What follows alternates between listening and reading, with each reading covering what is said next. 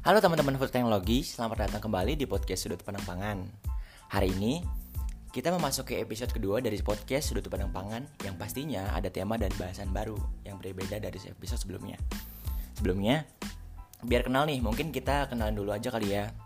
Hai, aku Novian dari angkatan 2020. Nah, kali ini aku dikasih kesempatan sama teman-teman Ristek untuk jadi host di podcast episode kali ini. Aku bakal ngobrol bareng nih sama salah satu temen dari teknologi pangan juga. Siapa ya kira-kira? Oke, langsung aja. Halo Niswa. Halo Nov, hai semua. Halo, halo. Nah, sebelumnya kenalin dulu nih ke KMTP. Siapa tahu ada yang belum kenal kamu kan? Oh iya, oke. Hai, kenalin, aku Niswa dari angkatan 2020 juga nih. Sebelumnya, makasih atas kesempatan buat ngobrol bareng di podcast Sudut Pandang Pangan episode kali ini. Pasti bakal seru banget nih. Nah iya dong, pasti bakal seru banget. Karena kali ini kita akan bahas tentang food technology will save the world. Tema kita yang satu ini menarik banget sih. Kita bakal dapat insight baru yang mungkin teman-teman belum pernah dapetin. Nah, pasti dalam benak kalian pada bertanya-tanya nih, emang bisa ya teknologi pangan dapat menyelamatkan kebutuhan pangan di seluruh dunia? Bisa dong. Nah, kita sebagai seorang food technology juga merupakan dampak positif dari era globalisasi loh. Kita bisa membantu menyelamatkan kebutuhan pangan di seluruh dunia dengan cara berkontribusi dalam menjaga dan memelihara bumi. Karena bumi yang sehat tentu akan menghasilkan sumber daya pangan yang baik dan berkelanjutan juga dong. Tapi problematika yang saat ini sedang terjadi adalah perubahan iklim, di mana sebagian besar disebabkan oleh sektor peternakan dan berdampak pada sektor pertanian. Ya, aku pernah baca juga sih artikel gitu. Di tahun 2050 ke depan, populasi manusia bakal mencapai 9,7 miliar. Nah, menurutku itu tantangan yang harus kita hadapi juga kan ya? Yang aku tanyain, bisa nggak kebutuhan pangan 9,7 miliar orang ini di tahun 2050 itu terpenuhi? Bisa, bisa. Semua itu tergantung dari perilaku dan juga gaya hidup manusia itu sendiri. Nah, kita sebagai seorang food technologist bisa mengupayakan salah satunya nih, eat more plant-based food and reduce animal food. Iya, akhir-akhir ini inovasi plant-based emang udah nggak asing lagi sih. Sekarang itu lagi banyak banget restoran-restoran fast food yang ada di sekitar kita mulai campaign tentang jadi mereka mengubah bahan baku pangan hewani yang dulunya dari daging hewan ternak tapi sekarang diubah jadi daging nabati dari sekarang diubah jadi daging nabati dari tanaman yang sebisa mungkin kandungan serta teksturnya itu dibuat mirip. Dan kamu tahu nggak tantangan yang saat ini sedang terjadi lainnya? Itu perubahan iklim.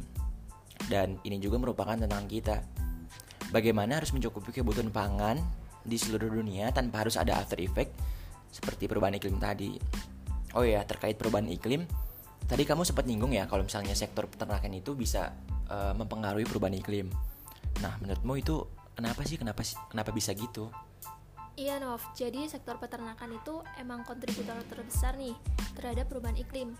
Karena peternakan bisa menyumbangkan emisi gas rumah kaca secara global Terus juga nyebabin pencemaran udara, air, dan tanah.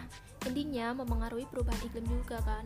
Aku nih yang pernah aku baca, ilmuwan dari PBB juga pernah nulis loh Tentang peternakan ini bisa berkontribusi sekitar 40% lebih banyak terhadap perubahan iklim daripada sektor transportasi. Nah, sektor transportasi yang dimaksud di sini itu gabungan dari pesawat, truk, mobil, dan bentuk transportasi lainnya. Oh iya, ada satu fakta juga nih, bahwa sebenarnya makan ayam itu jauh lebih buruk untuk iklim daripada makan buncis. Hah? Aku baru tahu. Emang kenapa nih? Kenapa bisa gitu? Bisa dong. Jadi gini loh, coba kita bayangin aja deh. Dari daging yang biasa dikonsumsi misalnya ayam ya. Nah, tanpa kita sadari bahwa sebenarnya hal ini juga dapat memberikan pengaruh terhadap perubahan iklim. Faktanya, ayam ini menyebabkan 40 kali lebih banyak perubahan iklim setiap kalori protein daripada kacang polong yang seharusnya bisa banget tuh diubah menjadi daging nabati. Nah, jadi kita sebagai salah satu orang yang peduli dengan iklim sangat perlu bahkan harus menerapkan eat more plant-based food and reduce animal food. Bener banget nih, tapi beberapa orang mungkin masih berpikiran gimana mau memenuhi kebutuhan pangan 9,7 miliar orang di tahun 2050 itu jika saat ini 7 miliar aja masih belum sepenuhnya terpenuhi. Apakah hanya cukup dengan menerapkan eat more plant-based food and reduce animal food? Sebenarnya belum cukup sih, kita perlu juga nih upgrade sistem produksi kita saat ini yang tidak akan menangani peningkatan permintaan global pangan berbasis protein. Nah, sekarang apa yang kita butuhkan itu adalah teknologi baru redesign yang mampu menghasilkan produk berbasis protein yang dibutuhkan tanpa menyedot sumber daya lain seperti air, tanah, dan sektor pertanian. Misalnya nih, biji-bijian atau sayur untuk makan hewan yang akhirnya kita jadikan makanan juga kan? Oh ya, ngomongin tentang kalori tadi, dunia saat ini memang bisa menghasilkan cukup kalori untuk 10 sampai 11 miliar orang.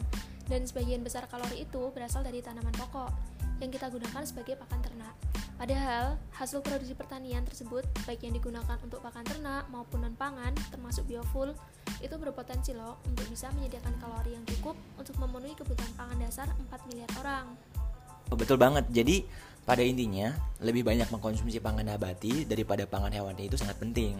Tapi gimana nih dengan uh, milian orang yang masih menolak untuk mengurangi pangan hewani? Misal pada produk daging karena budaya atau saking cintanya sama rasa dan tekstur daging itu sendiri.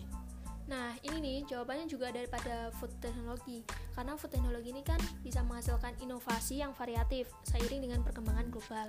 Salah satunya yang udah kamu sebutin tadi adalah menciptakan pangan berbasis nabati tapi mirip banget sama pangan berbasis hewani atau bisa kita sebut dengan plant based. Nah, contohnya daging nabati tadi. Bener banget nih. Jadi solusi dari inti permasalahan yang kita bahas adalah peran kita sebagai food teknologi, pemerintah dan semua orang di dunia ini adalah harus peduli dengan iklim dan tentunya harus secara aktif mendukung pergeseran skala besar dari peternakan hewan konvensional menuju alternatif daging nabati. Setuju banget, Nov. Nah, mungkin teman-teman di sini yang lagi dengerin podcast udah udah dapat sedikit insight nih tentang seberapa pentingnya peran kita sebagai food technology untuk kebutuhan pangan dunia di 10 sampai 20 tahun ke depan. Iya nih, menurutku udah cukup banyak insight baru dari obrolan podcast kita kali ini. Hmm, karena dirasa udah cukup, obrolan kita kali ini dan semua kekepoanku udah terjawab. Dan ya mungkin sampai sini dulu. Makasih banyak ya nih sudah mau ngobrol bareng di podcast episode 2 kali ini.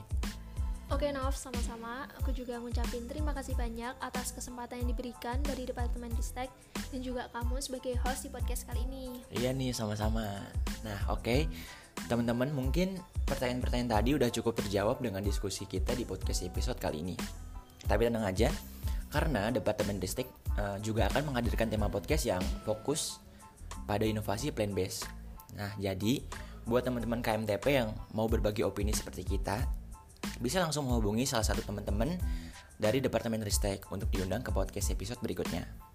Bisa lewat Instagram atau personal chat di WhatsApp. Makasih buat teman-teman yang udah dengerin podcast kita kali ini dari awal sampai akhir. Sampai jumpa di podcast sudut pandang pangan episode berikutnya. See you next time. Bye bye.